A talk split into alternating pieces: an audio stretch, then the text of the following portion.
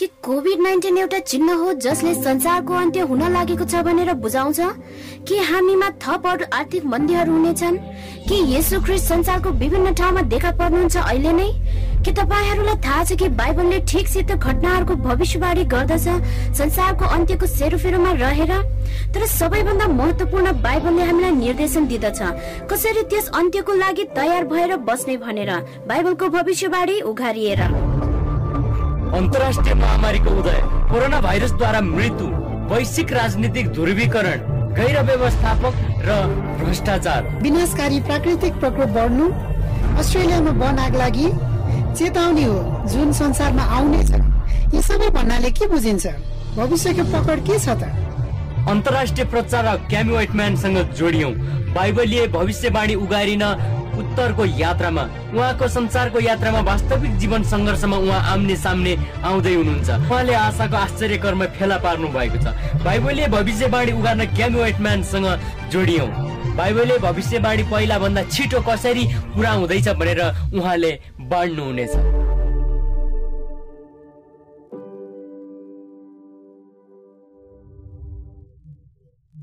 बाइबलीय भविष्यवाणी उघारिने क्रममा पुनः तपाईँलाई स्वागत गर्दछु। एक रोमाञ्चकारी यात्रामा बाइबलका एकदमै महत्वपूर्ण भविष्यवाणीहरूद्वारा हिजो हामीले अविश्वसनीय कथाबाट सुरुवात गर्यौं जुन चाहिँ प्राचीन राजा नबुकदनेश्वरको विषयमा थियो र उनलाई परमेश्वरले दिनुभएको सपना जसले चाहिँ संसारको साम्राज्यको उदय र पतनको विषयमा भविष्यवाणी गर्दछ।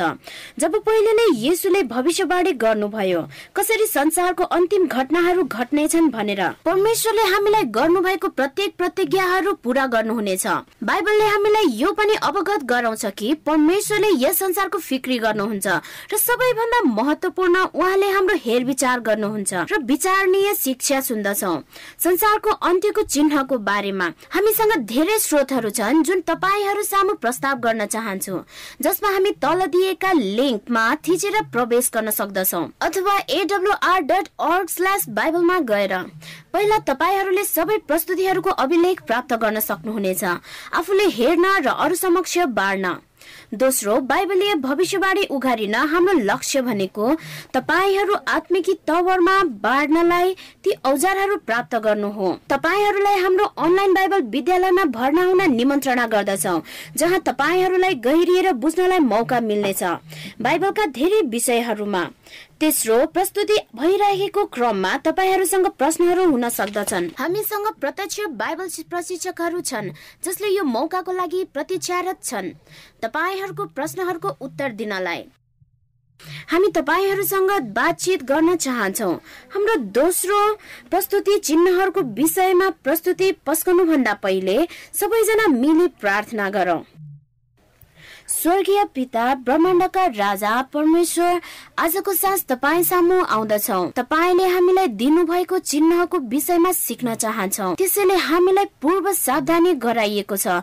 कसरी त्यसको लागि तयार हुने भनेर। र आजको सास तपाईँको प्रेममा गहिराईमा डुबाउनुहोस्। जसरी तपाईँको चेतावनीको विषयमा अध्ययन गर्दछौ परमेश्वर हामी तपाईँलाई प्रेम सम्मान गर्दछौ। र बाहिर धेरै मानिसहरू जो यी कुराहरूदेखि अचम्मित भइराखेका छन् उनीहरूको प्रश्नहरूको उत्तर आज साँझ दिनुहोस्। यीशुको बहुमूल्य शक्तिशाली नाउँमा। हामी सबैजना विश्वव्यापी बन्दाबन्दीको बीचमा छौँ। एक विश्वव्यापी महामारी।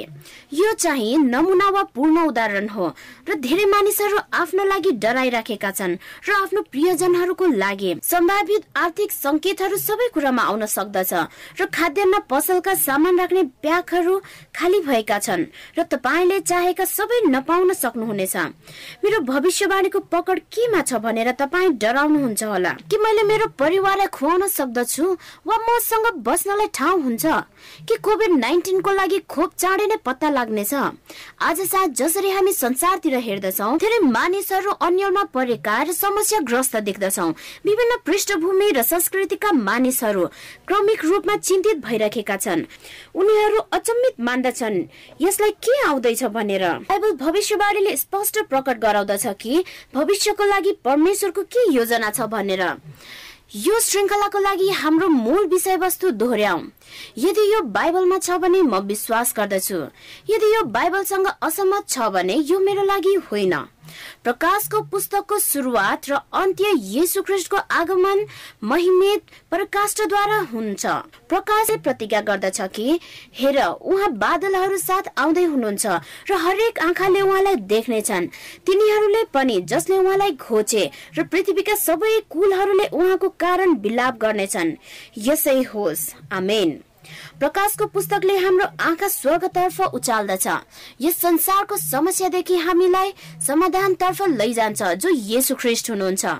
प्रकाशको पुस्तकको अन्तिम पाठले हामीलाई बताउँछ कि यसुको दोस्रो आगमन कतिको नजिक छ भनेर। प्रकाश बाइसको बिसले भन्दछ। यी कुराको गवाई दिनेले भन्नुहुन्छ।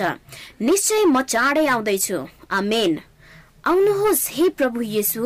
प्रकाश बाइसमा येसुले तीन पटक भन्नुभएको छ म चाँडै आउँदैछु भनेर। उहाँले हामी सबैजनालाई यो घटनाको चर्मोत्कर्षमा तयार होस् भन्ने चाहनुहुन्छ। तपाईँहरू अचम्मित मान्दै हुनुहुन्छ होला। यसु कति चाँडो आउनुहुनेछ। यसुका चेलाहरूले पनि यही थाहा पाउन खोजेका थिए। उनीहरूले प्रत्यक्ष मत्ती चौबिसको तीन पदमा यसुलाई प्रश्न गरेका थिए। हामीलाई भन्नुहोस् यो कुरा कहिले हुनेछन्? र तपाईँको आगमन र यस युगका अन्त्यको चिन्ह के हुनेछ? चौबिस अध्यायमा यसुले उहाँको आगमनको बिस चिन्हहरूको रूपरेखा गर्नुभयो। के त्यो रोमाञ्चक छैन? यसुले सम्बन्धित घटनाहरूको क्रमलाई मिश्रित गरिदिनु भयो सत्तरी एडीमा यरुसलेमको पतनद्वारा। यी घटनाक्रम जुन संसारको अन्त्यमा हुनेछन् उहाँको आगमनको पूर्व चिन्हहरू बताइदिनु भएको छ। संसारको धर्महरूमा ती कुराहरू निरन्तर हुनेछन्। राजनैतिक रङ्गशालामा प्रकृतिको क्षेत्रमा र समाजको संस्कृतिमा चिन्हहरू मध्येका पहिलो चिन्हको चासो संसारको धर्महरू हुनेछ। आउनुहोस् मत्ती चौबिसको चौबिसमा जानेछौ र यसुले के चेतावनी दिनु भएको छ हेर्नेछौ। किनकि झुटा ख्रिस्टहरू र झुटा अगमवक्ताहरू खडा हुनेछन्। र हुन सके चुनिएकाहरूलाई पनि भड्काउनलाई ठुला ठुला चिन्हहरू र आश्चर्यका कामहरू देखाउनेछन्। दोस्रो आगमन अगाडि एउटा शिक्षाहरूको धार्मिक गुरुहरूबाट जसले मानिसहरूलाई बहकाउन खोज्नेछन्। परमेश्वरको वचनबाट र झुटा चिन्हहरूद्वारा सबै आश्चर्य कामहरू परमेश्वरबाट होइनन्।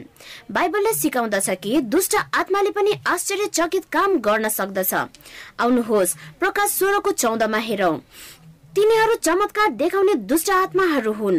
तिनीहरू समस्त संसारका राजाहरू कहाँ जाँदछन् र सर्वशक्तिमान परमेश्वरको महान दिनमा युद्ध गर्नलाई तिनीहरूलाई भेला गर्दछन्। यी झुटा शिक्षकहरूले आश्चर्यचकित कामद्वारा सबैको ध्यान खिच्नेछन् तर यी चिन्हहरू दुष्टबाट प्रभावित भएका हुन्छन्। मानिसहरूलाई छल गर्न तिनीहरू जाली हुन्छन्। जति हामी नजिकिन्छौँ वास्तविकतातर्फ त्यति नै वास्तविक छलहरू देखा पर्दछन्। त्यसै कारण बाइबल अध्ययन गर्न जरुरी छ। आफ्नो लागि सावधान हुनुहोस्। यदि कोही धार्मिक गुरुहरूले तपाईँलाई बाइबलदेखि टाढा ढोर्याउँछ भने तसर्थ बाइबल स्तरको साँचो शिक्षक चाहिँ को हो त? पहिलो योना दुईको चारले भन्छ जसले म उहाँलाई चिन्छु भन्छ तर उहाँको आज्ञाको उल्लङ्घन गर्छ त्यो झुटो हो र त्यसमा सत्य छैन। त्यसै कारण साँचो शिक्षकले आज्ञाहरू पालना गर्दछ र सत्य बोल्दछ। त्यसैले सावधान। कोही तपाईँ कहाँ आउँदछ? चमत्कारिक घोषणा गर्दछ र तिनीहरूले बिरामी पनि निको पार्दछन्। यदि तिनीहरूले बाइबलको विशुद्ध शिक्षाहरूलाई अवहेलना गर्दछ भने भाग्नुहोस्। आफ्नो बाइबलतर्फ भाग्नुहोस्। र यसैले ठिकसँग बाइबलका पदहरू स्क्रिनमा देखाइएको छ ताकि तपाईँले आफ्नो आँखाद्वारा यसलाई देख्न सक्नुहुनेछ। र कृपया आफ्नो बाइबलमा पनि पढ्नुहोस्। तपाईँहरूले निश्चित गर्नु पर्दछ कि जे म विश्वास गर्दछु त्यो सत्य छ भनेर। परमेश्वरले त्यसै भन्नुहुन्छ। झुटा शिक्षकहरू उनीहरू संसारभरि बढिरहेका छन् जुन हामीले देख्न सक्दछौ। उदाहरणको लागि सोको असाहाराले पुस्तक प्रकाशन गरे जसले आफूले ख्रिस्ट भनेर घोषणा गरे। उनले आफूलाई जापानको एकमात्र पूर्ण प्रबुद्ध मास्टर भनेर घोषणा गरे पनि र परमेश्वरको थुमा भनेर नामाकरण गरे। र उनीहरूको सम्पूर्ण पाप पखाल्छु र उनीहरूका गलत कर्महरू पनि भने। उनको पुस्तक प्रकाशन भएको तीन वर्ष पश्चात उनका अनुयायीहरूले जापानको रोड मुनिको बाटोमा घातक ग्यास छाडिदिए। जसद्वारा तेह्र मानिसहरूको मृत्यु भयो र हजारौं मानिसहरू घायल भए। विगत पचास वर्षमा त्यहाँ व्यापक वृद्धि भइराखेको छ जसले आफूलाई पवित्र आत्मिकी अगुवा भनेर दावी गर्दछन्। अफ्रिकाको महादेशमा जोसेफ किबुइटर र क्रेडोनिया म्युरेनले सयौंको संख्यामा आफ्ना भक्तजनहरूलाई आगोमा जली मर्नलाई अगुवाई गरे। तीनवटा साँडेको भोज पश्चात र साठी बक्सा हल्का प्रिय पदार्थ पिएर अन्तत नौ सय चौबिस जना मानिसहरूको मृत्यु भयो। यसुले पनि सावधान गराउनु भयो। अन्तको समयमा तन्त्र मन्त्रको क्रियाकलापमा ठूलो विस्फोटहरू हुनेछ भनेर मानसिक घटनामा। तन्त्र मन्त्र र जादुको विषयका पुस्तकहरू लाखौंको संख्यामा निरन्तर रूपमा बिक्री भइरहेका छन्। अलौकिक विषयमा बनाइएका चलचित्रहरू सबैतिर छाउनेछ। निराशजनक मानिसहरूले आआफ्नो समस्याहरूको हल खोजिरहेका छन् तर तिनीहरूको हल ताराहरूमा पाउने छैनन्। हामीले यी झुटा ख्रिस्टहरू र झुटा अगमक्ताहरू देख्नेछौ यी नै अन्तिम दिनका चिन्हहरू हुन्। हामी मत्ती चौबिसको छ र सात पद हेरौं। तिमीहरूले युद्धहरू र युद्धहरूका हल्लाहरू सुन्नेछौ। किनभने जातिको विरुद्धमा जाति र राज्यको विरुद्धमा राज्य उठ्नेछ। यसोले भविष्यवाणी गर्नुभयो अन्त्य हुनुभन्दा पहिले विश्वव्यापी मात्रामा अन्तर्राष्ट्रिय द्वन्द हुनेछ भनेर। अर्को शब्दमा त्यहाँ विश्वयुद्ध हुनेछ। एकजना समाजशास्त्रीले अनुमान गरेका थिए कि बिसौँ शताब्दीमा त्यहाँ अठार करोड मानिसहरूको मृत्यु भएको थियो। युद्धबाट मात्र एक्काइसौँ शताब्दीमा संसारभरमा धेरै नै द्वन्द भएको छ। इराक अफगानिस्तान युक्रेन यमन सिरियामा त्यो त केही नाम मात्र हो। युद्धको चरम क्रोधले धेरै नै विनाश गरेको छ। सम्पूर्ण अनिश्चितता र अशान्ति संसारभरिका विभिन्न राष्ट्रहरूमा मानिसहरू आशा खोजिरहेका छन् र वास्तविक आशा मात्र येसु ख्रिस्टमा छ जो मुक्तिदाता हुनुहुन्छ। यस ग्रहको जुनसुकै ठाउँमा बसोबास गरे तापनि फरक पर्दैन। मानिसहरूले शान्ति खोजिरहेका छन् तर वास्तविक शान्ति एकदमै नाजुक छ। बाइबलले भविष्यवाणी गर्दछ कि मानिसका सम्पूर्ण प्रयासहरू फेल खानेछ। विश्वव्यापी शान्ति प्राप्त गर्न खोज्दा प्रेरित पावलले पहिलो त्यसले नै कि पाँचको तिनमा यसरी व्याख्या गर्नुहुन्छ। जब मानिसहरू शान्ति र सुरक्षा भनिरहेका हुन्छन् तब गर्भवती स्त्रीलाई बेथा लागे चाहिँ अचानक तिनीहरूमाथि विनाश आइलाग्छ र तिनीहरू कुनै रीतिले उम्कने छैन उदाहरणको लागि शान्ति सम्झौता जसले सम्पूर्ण युद्धहरूको अन्त्य गर्नुपर्ने थियो। त्यो सन्धि थियो भर्सेलिसको सन्धि। जुन अठाइस उन्नाइस सय उन्नाइसमा जसले राष्ट्रको विगततर्फ अगुवाई गर्यो तर त्यसले काम गरेन। त्यो त्यति लामो थिएन जबसम्म इतिहासमा घातक विश्वयुद्धको सुरुवात भयो अनि दोस्रो विश्वयुद्धको सुरुवात भयो। त्यसैले संयुक्त राष्ट्र संघको गठन गर्न उन्नाइस सय पैतालिसमा अगुवाई गरियो। परमेश्वरको वचन एकदमै सही छन्। यसले हाम्रो दिनको विषयमा भन्दछ। अहिलेसम्म इतिहासमा मानव जातिसँग नभएको आफैलाई खतम गर्ने क्षमता अहिले छ। जब यसो फेरि आउनुहुनेछ यो समय हुनेछ र सम्पूर्ण मानव जातिसँग पूर्ण पृथ्वी ध्वस्त गर्ने क्षमता हुनेछ। कि मानव जातिसँग सय वर्ष अगाडि यसो गर्न सक्ने क्षमता थियो त? अह थिएन। यसुले प्रतिज्ञा गर्नुभयो कि जब पृथ्वी डरले गर्दा कसेर समात्दछ उहाँले पाइला टेक्नुहुन्छ हस्तक्षेप गर्नुहुन्छ र उद्धार गर्नुहुन्छ। लुका एक्काइसको छब्बिसले भन्दछ। संसारमा हुन आउने घटनाहरूको आशंकाले मानिसहरू मूर्छा पर्नेछन् किनकि आकाशका शक्तिहरू डगमगाउनेछन्। जब संसारको अन्त्य तपाईँको अगाडि जस्तो हुनेछ र डरले तपाईँको हृदय अशक्त पारिदिनेछ तपाईँले आफ्नो आँखा यसोतर्फ फर्काउनु पर्नेछ किनकि उहाँले शान्ति कायम गर्नुहुन्छ। तर इतिहास एक महान दृश्यतर्फ बढिरहेको छ। यसुले भन्नुभयो आफ्नो आँखा यस संसारदेखि उठाओ र वास्तविक पवित्रतर्फ केन्द्रित गर। उहाँले भन्नुहुन्छ म चाँडै आउनेछु। यस बाइबलीय भविष्यवाणी उघारिसके पश्चात यसले आशा प्रकट गर्दछ प्रिय साथीहरू हामीले धर्म र राजनीतिमा चिन्हहरू हेरिसक्यौं। अब बाइबलले के भन्दछ? के प्रकृतिमा चिन्हहरू छन्? बाइबलले भविष्यवाणी गर्दछ कि सबै प्रकृतिहरू नियन्त्रणदेखि बाहिर हुनेछ। यसुको आगमन हुनु पूर्व हामीले तुफान आगो बाढी आधी र महामारी विध्वंसको आशा गर्न सक्दछौ जुन कुरा हामीले एकदम गाह्रोसँग विश्वास गर्न सक्दछौ। यी प्रकृति विपत्ति बाहेक बाइबलले भोकमारी र अनिकालको विषयमा भविष्यवाणी गर्दछ। मत्ती चौबिसको सात पदमा त्यहाँ महामारी अनिकाल हुनेछ र विभिन्न ठाउँहरूमा भूकम्पहरू जानेछन्। अब हामीसँग जहिले पनि भोकमरी र भोकाएका बच्चाहरू थिए। तर फरक के छ त भन्दा ती बढ्दो क्रममा छन्। अमूतपूर्व दरको विश्वव्यापी मात्रामा विश्व खाद्य कार्यक्रम अनुसार दुई हजार उन्नाइस सालको अन्त्यसम्ममा तेह्र करोड पचास लाख मानिसहरू चरम भोकमरीमा बाँचिरहेका छन्।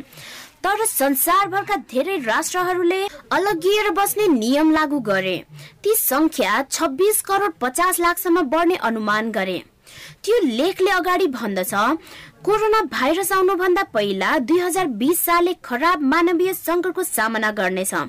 विभिन्न कारणहरूले गर्दा दोस्रो विश्व युद्ध पश्चात संसारभर कोरोना भाइरसद्वारा मृत्यु बढ़िरहेका क्रममा विश्व खाद्य कार्यक्रमले चेतावनी दिँदछ कि संसारले भोकमरीको महामारीको सम्भावित सामना गर्नेछ। खाद्यान्न आवश्यक परेका मानिसहरूको संख्या वर्ष दोब्बर हुनेछ। उदाहरणका लागि अहिले नै भारतमा लाखौंको संख्यामा मानिसहरू हप्तौसम्मको लागि रोजगारविहीन छन्। यस कोरोना भाइरसको कारणले उनीहरूले भोकमरीको सामना गरिरहेका छन्। बिबिसीको प्रतिवेदन अनुसार यो बन्दाबन्दीले विश्वव्यापी भोकमरीमा डोर्याउनेछ मानव भोकमरीलाई योगदान पुर्याउने अर्को कारक भनेको अनौठो घटनाहरू जुन विभिन्न ठाउँहरूमा घटिरहेका छन्। दुई सालको सुरुवातमा सलह किराहरूको आक्रमण व्यापक भयो। अफ्रिका भरि अरब प्रायद्वीप भरि दक्षिण एसिया भरि यस मरुभूमि सलहको प्रकोपले विभिन्न ठाउँहरूमा खाद्यान्न आपूर्ति गर्न धम्काइरहेको छ।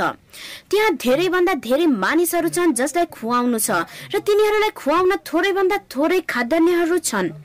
हामीले सही शुद्धताले हेर्न सक्दछौ कि बाइबलले भविष्यवाणी गरेको सही साबित हुँदैछ। फेरि पनि मत्ती चौबिसको साथमा हेरौं। यसले भन्दछ त्यहाँ अनिकाल र रूढी हुनेछ। यो चाहिँ असामान्य शब्द हो। रूढी भनेको के हो? यो चाहिँ सरुवा वा संक्रामक महामारी रोग हो जुन चाहिँ विषालु र घातक छन्। कोभिड नाइन्टिन जस्तै जुन हामी सबैले अनुभव गरेका छौँ। फेरि पनि बाइबलीय भविष्यवाणी पूरा भइराखेको छ। त्यहाँ लाखौंको संख्यामा मृत्यु भइरहेको छ। मलेरिया डेङ्गु पहिलो ज्वरो जापानिज इन्सेफ्लाइटिस साँच्चै नै किसानहरूले आफ्नो बालीमा कीटनाशक हाल्नुको कारण भनेको रोगले तिनीहरूलाई हानि पुर्याउने भएर हो। यसुले पनि मत्ती चौबिसको साथमा चेतावनी दिनुहुन्छ। त्यहाँ भूकम्पहरू जानेछन् भनेर। त्यहाँ अनिकाल रूढीहरू र विभिन्न ठाउँहरूमा भूकम्पहरू जानेछन्। साँच्चै राष्ट्रिय भूकम्प सूचना केन्द्रले रिपोर्ट गर्दछ कि औसत एक वर्षमा बिस हजार पटक भूकम्पहरू जाँदछन्। लगभग संसारमा एक दिनमा पचास पटकसम्म।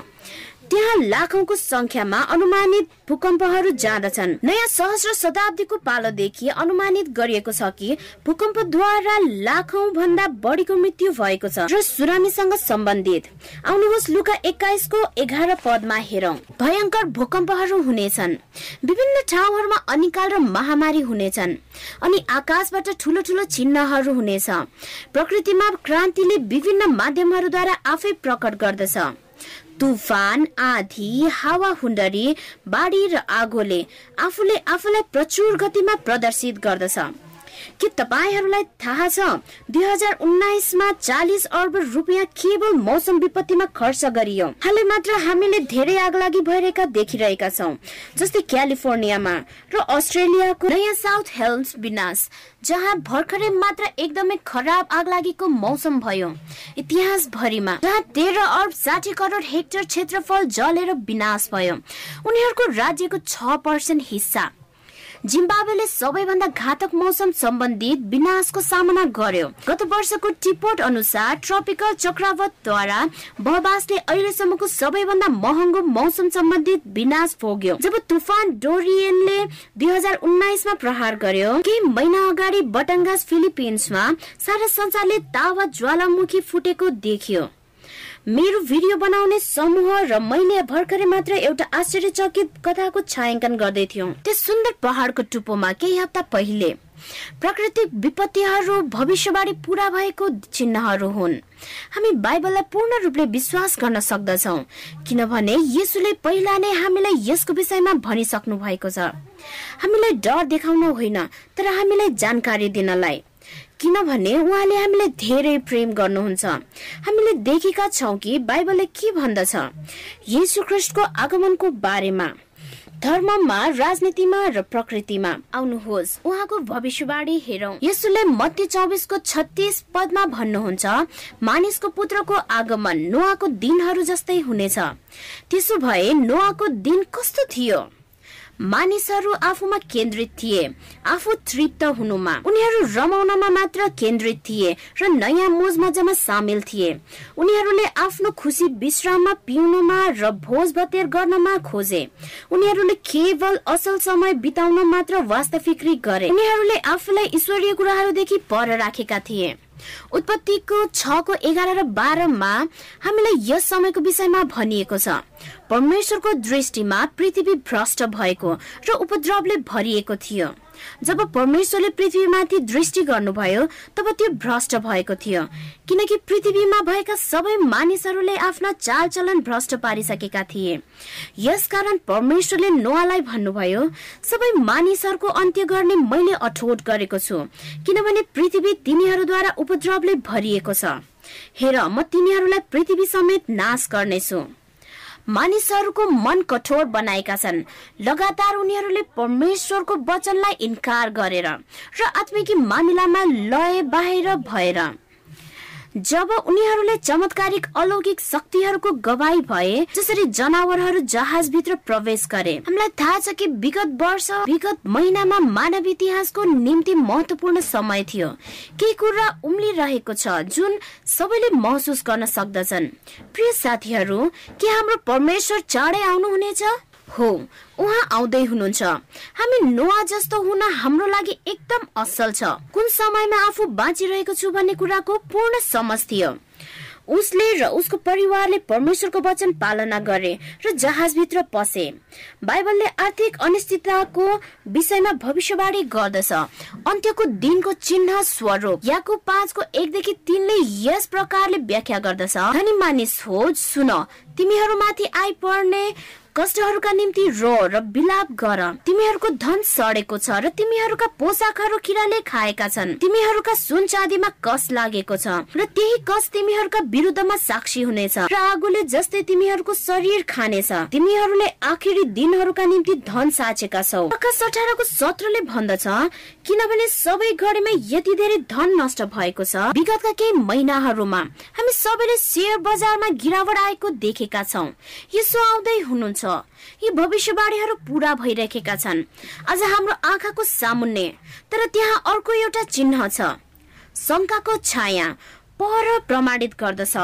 साँच्ची नै हामी सबै संसारको इतिहासको अन्त्यको दिनमा बाँचिरहेका छौँ। यो के हो? अन्तिम चिन्ह यसुले मत्ती चौबिसमा दिनुभएको छ। संसारभर सुसमाचार प्रचार गरिनेछ। मत्ती चौबिसको चौध पद। मलाई यो पद एकदमै मन पर्छ अनि राज्यको यो सुसमाचार सारा संसारमा सबै जातिहरूका लागि गवाईको निम्ति प्रचार गरिनेछ। त्यसपछि अन्त्य आउनेछ। प्रकाश चौधको छले भन्दछ अनि अर्को स्वर्गदूतलाई मध्य आकाशमा उडिरहेको मैले देखे। पृथ्वीमा रहने हरेक जाति कुल भाषा र मानिसलाई घोषणा गर्ने अनन्त सुसमाचार तिनीसँग थियो। तपाईँहरू जस जसले यो श्रृङ्खला हेरिरहनु भएको छ तपाईँहरू यो महान भविष्यवाणीको हिस्सा हुनुहुन्छ। जसै तपाईँ सुसमाचारको सन्देश सुनिरहनु भएको छ जुन आजको साँझ संसारभरका विभिन्न समय क्षेत्रमा प्रसारण भइरहेको छ। मेरो काममा सर्वप्रथम म देख्दछु कि परमेश्वरको कुनै पर्खाल सिमाना र किनाराहरू छैन। मैले के भन्न खोजेको सो बताउने छु। म सँगसँगै फिलिप्पीको टापुमा आउनुहोस्। यहाँ विद्रोही आतंककारीको समूह भेटिन्छ। जो पर्वतको टाकुरोमा लुकिरहेका छन्। विगत उनाचास वर्षदेखि त्यस क्षेत्र उनीहरूको अधीनमा छ। युद्धको छापामार भएर। यिनीहरू आफैले आफैलाई मानिसहरूको नयाँ फौजी एनपिए भनेर नामाकरण गरेका छन्। यी पुरुषहरू र महिलाहरू सरकार ढलाउन प्रतिबद्धित छन्। चालिस हजार भन्दा माथि स्थानीय मानिसहरू यस युद्धमा मारिएका छन्। एनपिए र सरकारको फौजिक लडाईँको बीचमा यी पहाडका बासिन्दाहरू परम्परादेखि नै मूर्ति पूजकहरू थिए। के तपाईँहरूलाई थाहा छ? एउटा परिवारमा तीनजना बच्चाहरू मात्र जन्माउन पाउँदछन्। यदि चौथो बच्चाको जन्म भयो भने उसलाई जीवितै पुरिदिन्छ। यो एउटा परम्परा हो जहाँ तेह्र वर्षका बालिकाहरूलाई बिहे गर्न जबरजस्ती गरिन्छ। र पुरुषहरूले आफ्नो श्रीमती साट्नका निम्ति चार सय फिलिपिनीको मुद्रा पैसा तिर्दछन् र त्यो मुद्रा भनेको अमेरिकी आठ डलर जत्तिकै हो। हामीलाई जस्तै यी मानिसहरूलाई पनि यसुको आवश्यकता छ। तीन वर्ष भन्दा थोरै पछि एडभेन्टिज वर्ल्ड रेडियोले बाइबलका सुसमाचारहरू प्रसारण गर्न थाल्यो। एनपिए का केही छापामारहरूले यस इसाई स्टेशन ट्युन गर्न थाले। र चासो देखाउन थाले। यसुको प्रेमको कथाले उनीहरूको हृदय नम्र भयो। एक माथिल्लो ओहदाको कमान्डरले आफ्ना चार सेनाहरूलाई रेडियो प्रस्तुतालाई पत्ता लगाउन र आफ्नो पिकट शिविरमा बोलाउन पठाए। हाम्रो समूह साक्षी बन्न सफल भयो। साठी विद्रोही छापामारको बत्तिसमा भएको। यी छापामाराहरूले आफ्ना एके फोर्टी सेभेन बन्दुक भुइँमा राखे। बाइबलसँग र यसुमा नयाँ जीवनको निम्ति सट्टापट्टा गरे। ती मध्येका धेरैले नयाँ व्यापारको विषयमा सिके जस्तै कृषि र बाहिरी बजारहरूमा सामानहरू बिक्री गर्न। मेरो भिडियो बनाउने दल र मलाई मौका मिल्यो। तिनीहरूका व्यक्तिगत जीवन गवाई र उनीहरूको कथाहरूलाई वित्तचित्र चलचित्रको रूपमा पुनः सिर्जना गर्न। ती मध्येका एउटा मैले तपाईँहरू सामु बाँड्नै पर्छ। उसको नाउँ दानियल हो। उसको पिता एनपिए का कमान्डर थिए र उसका काकाहरू र भाइ दाईहरू पनि फौजमा भर्ती भएका थिए। दानियल पनि त्यसै मोर्चा मार्फत नै हुर्किरहेका थिए र उसलाई त्यहाँ भएको त्यो मात्र जीवन थियो। तेह्र वर्षको उमेरमा उनले पहिलो पटक हत्या गरेका थिए। त्यस पश्चात उनलाई एक महत्वपूर्ण दर्जा दिएको थियो। सम्पूर्ण एनपिए को न्यायकर्ताको दर्जा। वास्तवमा हत्या गर्नमा उनी एकदमै निपुण भए र उसलाई पेसेवर हत्या गर्ने अगुवाको रूपमा बढुवा गरियो। सम्पूर्ण फिलिपिन्स राष्ट्रभरि उसले गन्न सक्दैनन् कतिजनाको हत्या गरे भनेर किनभने उनले धेरैको हत्या गरिसकेका छन्। राजनैतिक कर्मीको आर्मीहरूको प्रहरीहरूको र स्थानीय अपराधीहरूको जति धेरै हत्या उनले गरे त्यति नै बोधो बन्दै गए। एक दिन जब उनले एक इसाई पास्टरलाई समापन गर्न आदेश दिए उनले पास्टरलाई अपहरण गरे र जंगलको एकान्तमा एक्लै राखे। ती पास्टरले आफ्नो जीवनको निम्ति भिख मागि नै रहे र दानियल स्तब्ध भए ती मानिसको आँखामा दया देखेर उनले बन्दुकको घोडा ताने। तपाईँहरूले थाहा पाउनुभयो दानियलले जहिले पनि आफूलाई मार्न दिएको जिम्मेवारी पूरा गरे। उनलाई दिएको जिम्मेवारी पूरा गर्छन् नै भन्ने उपनामले उनी चिनिन्थे। तर दानियलले ती पास्टरको अनुहार कहिल्यै बिर्सन सकेनन्। एनपिए का लडाकुहरूलाई आफ्नो घर परिवारसँग भेट्न जाने अनुमति प्रत्येक दुई दुई महिनामा दिइन्थ्यो। जब दानियल आफ्नो घरभित्र प्रवेश गरे ठुलो आवाजले रेडियो बजिरहेको उनले सुने। उसको श्रीमती र बाल बच्चाहरूले त्यो इसाई बाइबल कार्यक्रम सुनिरहेका थिए। उनले त्यो स्टेशन एडभेन्टिज वर्ल्ड रेडियो हो भनेर पहिचान गरिहाले। तर उनको लागि यो पहिलो पटक थियो साँच्चै नै कार्यक्रम सुनेको। दानियले प्रेमिलो मुक्तिदाताको विषयमा कथाहरू सुने जसले आफ्ना उनान्सय भेडाहरू छाडेर हराएको एक भेडा खोज्न बाहिर गए। दानियलको हृदयमा हलचल भयो र त्यो समयमा उनले बुझे कि त्यो हराएको एउटा भेडा आफू हुँ भनेर। उसको हृदय नरम भयो। दानियल र उसको श्रीमतीले बाइबल अध्ययन लिए र एनपिए को अरू चार जर्नेलहरू सहित बपिसमा लिए।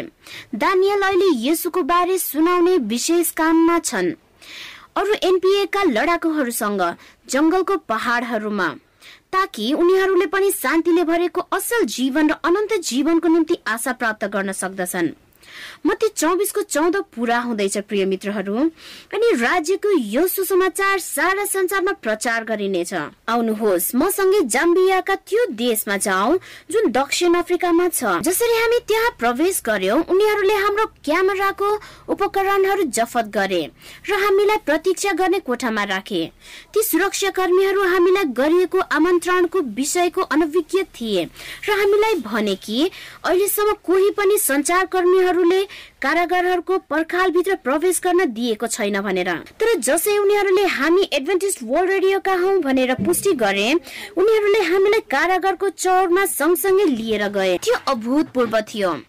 तपाईँले थाहा पाउनुभयो सत्य सुसमाचारको निम्ति परमेश्वरले बाटो बनाउनु भयो। कैदी बन्दीहरू बीच पुग्नलाई हावको तरङ्गहरूद्वारा कारागारको कक्षहरूसम्म त्यो कारागारमा लगभग चौबिस सय कैदी बन्दीहरू छन् र एघार सय पचास भन्दा माथिले बत्तीसमा लिइसकेका छन्।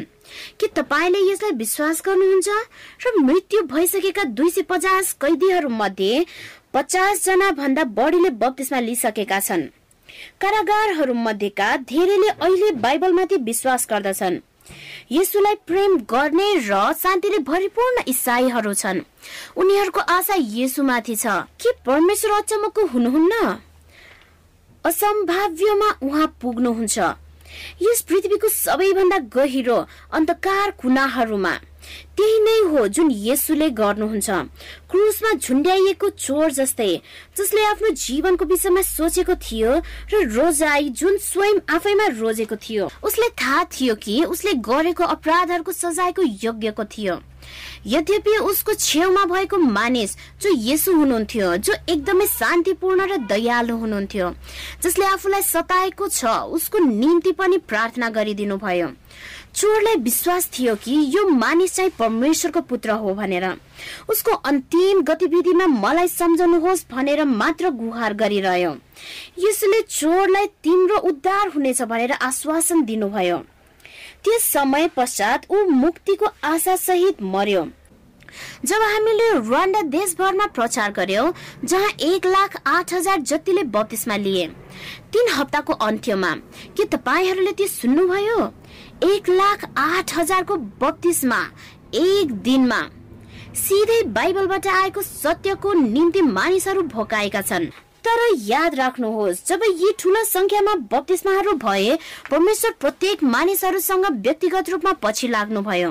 अब अर्को तपाईँहरूलाई रुवेनको बारेमा भन्न चाहन्छु। रुवेन अर्जेन्टिनियामा बस्दछन्। उनी इसाई घर परिवारमा हुर्के तर एक समय उनले आफै निर्णय गरे आफ्नो सपना पूरा गर्न पछि लागे एक सफल व्यापारी बन्ने र त्यसै बेला परमेश्वरदेखि तर्किए। चाँडै नै उनी आफ्नो खेलमा सफल व्यापारीको माथिल्लो स्थानमा पुगे र हेर्दाखेरि यो संसारमा सबै कुराहरू असल नै भइरहेको छ भन्ने सोचे। तर एक दिन आफ्नो काम सकेर घर फर्कने क्रममा आफ्नो हात खोलेर बस रोक्न खोजे। बस चालकले उनलाई देखेनन् र रुबेनलाई बस मुनि तान्यो र घिसार्यो। जब उनको होस आयो उनी आइसियुमा आफ्नो भाँचिएको खुट्टा स्वस्थ फोक्स र बहुभाग्य चोटपटकहरू थियो। तर केही अनौठो घटना घट्यो। कि उनलाई ती भीषण महिनाहरूमा सम्हाल्नु भयो जब रुबेललाई घिसारियो र उनी आफ्नो होस हवासदेखि बाहिर थिए एउटा आवाजले उनलाई यसो भनिरहेका सुने तिमी एक्लै छैनौ तिमी यसमाथि विजय पाउनेछौ। र त्यो शान्ति जुन उसलाई पहिले कहिले थाहा थिएन र उनले आशाको महसुस गरे। चार महिनाको अस्पताल बसोबास पश्चात रुबेन गुड्ने कुर्सीमा बसी आफ्नो घर फर्के। चाँडै नै उनले महसुस गरे कि जुन कुराले गर्दा उसलाई रमाइलो लाग्थ्यो ती क्रियाकलापहरू गर्न उनी असमर्थ थिए।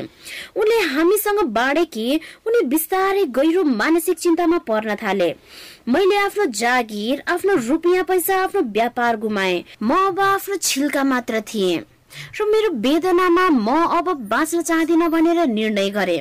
एक दिन रुबेनले निर्णय गरे कि म आफ्नो दुःखदायी जीवनलाई अन्त्य गर्दछु आत्महत्या गरेर। जसै उनले आफ्नो नारी काट्नलाई चक्कु समाते पृष्ठभूमिमा जुन रेडियो बजिरहेको थियो त्यसले अकस्मात स्टेसन परिवर्तन गर्यो। यसो कहिले पनि पहिला भएको थिएन र उसलाई आश्चर्यचकित पार्यो। यसले रुबेनलाई चौकाइदियो विशेष गरी जब रेडियोबाट बजेको आवाज उनले सुने त्यही नै आवाज जुन उनले अस्पतालको आइसियुमा हुँदा सुनेका थिए जसले उनलाई तिमी एक्लै छैनौ भनेर भनेको थियो र तिमीलाई यसबाट बाहिर निकाल्दछु भनेको थियो। जुन शान्ति उनले अस्पतालमा हुँदा महसुस गरेका थिए त्यही नै अहिले पनि गरे। यस आवाजले उसलाई अब धोइ पखाली दिएको थियो र आत्महत्या गर्ने सबै सोचहरू बिलायो। आश्चर्यचकित रुबेलले थाहै नपाए जुन चाहिँ यो एकदमै चाख लाग्दो छ। पहिलो पटक भइरहेको एडभेन्टिस वर्ल्ड रेडियोको परीक्षण प्रसारण उनले सुनिरहेका थिए। जुन सुसन्देश सुने त्यसले उसको हृदय छोएको थियो र त्यसलाई चिन्ने तीव्र चाहना रुबेलले महसुस गरे। आज रुबेन पूर्ण रूपमा निको भएका छन्। उनी आफ्नो स्थानीय मण्डलीमा सक्रिय छन् र साप्ताहिक बाइबल अध्ययनलाई अगुवाई गर्दछन्। सबैभन्दा असल पाटो के छ भने उनी पुरा दिन हिँड्दछन्। जुन कुरा फेरि पनि म गर्न सक्नेछु भनेर सोचेका पनि थिएनन् यसुको सुसमाचार सुनाउने र बचाउने। सुसमाचार हरेक बाधाहरूमाथि पुग्दछ। रेडियो मार्फत टेलिभिजन मार्फत र इन्टरनेटको माध्यमहरूद्वारा। धेरै मानिसहरूले आफ्ना मोबाइल फोनहरूमा सन्देशहरू प्राप्त गर्न सक्दछन्। बाइबलीय प्रस्तुतिकरण आफ्ना फोनहरूमा। सम्भवतः परमेश्वरले हरेक माध्यमहरूद्वारा मानिसहरू बीच पुगिरहनु भएको छ। विकट गाउँहरूदेखि बाजु मरुभूमिहरूसम्म अन्त्यको दिनहरूमा सुसमाचार उल्लेखनीय रूपमा बाहिरिरहेको छ। लाखौंको संख्यामा मानिसहरू चलाइएका छन् जुन पहिले कहिले भएको थिएन। जोड तोडको अर्थमा समयहरू परिवर्तन भइरहेको छ। संसारको विभिन्न क्षेत्रहरूमा सुसमाचार प्रचार गर्नलाई परमेश्वरले कदम चालिरहनु भएको छ। उहाँले केही विशेष गरिरहनु भएको छ। उहाँले भविष्यवाणी पूरा गरिरहनु भएको छ। हामी सबै परमेश्वरको राज्यको किनारामा छौँ। ती चिन्हहरू जुन यसुले मध्य चौबिसमा दिनु भएको छ बारम्बार तीव्र बनिरहेका छन्। यो मध्यरातको समय हो मित्रहरू र परमेश्वरको आगमनको लागि तयार हुन अपिल गरिरहनु भएको छ। येसुको अन्तिम सन्देश आफ्नो चेलाहरूलाई स्वर्गमा फर्की जानु अगाडि यस्तो थियो। मैले तिमीहरूलाई अहिले छोड्नु पर्नेछ तर सदाको निम्ति होइन। एक दिन म अवश्य फर्कनेछु र त्यसो गर्नु अगाडि यो संसार अलगिएको जस्तो हुनेछ। राष्ट्रहरू एक अर्कासँग रिसाउने छन्। युद्धहरू हुनेछ। भूकम्पहरू पनि ठुलो परिमाणमा बढ्नेछ। त्यहाँ संक्रमण फैलिनेछ। जब यी कुराहरू हुन सुरु गर्दछन् बहुमत संख्यामा मानिसहरू डराउनेछन्। तर मेरो अनुयायीहरू डराउनु पर्ने छैन। वास्तवमा जब यी सबैको सुरुवात हुन्छ यो समय भनेको उद्धारको निम्ति के हुन्छ भनेर हेर्ने समय हो। यसोले भन्नुभयो म सधैँ तिमीहरूसँगै छु। यस संसारको अन्त्यसम्म नै। र याद गर म तिमीहरूलाई प्रेम गर्दछु। यसुले केवल एक कुरा मात्र चाहनु भएको छ। हामीले हाम्रो हृदय उहाँलाई दिनु र उहाँसँगको सम्बन्धमा प्रवेश गर्नु भनेर। येसुको दोस्रो आगमन भनेको हाम्रो उहाँसँगको पुनर्मिलन हो। अहिले नै के तपाईँलाई आफ्नो हृदय उहाँलाई दिन मन छ? यसु मैले समयको चिन्हहरूलाई देख्दछु। यो स्पष्ट छ कि तपाईँ चाँडै आउँदै हुनुहुन्छ।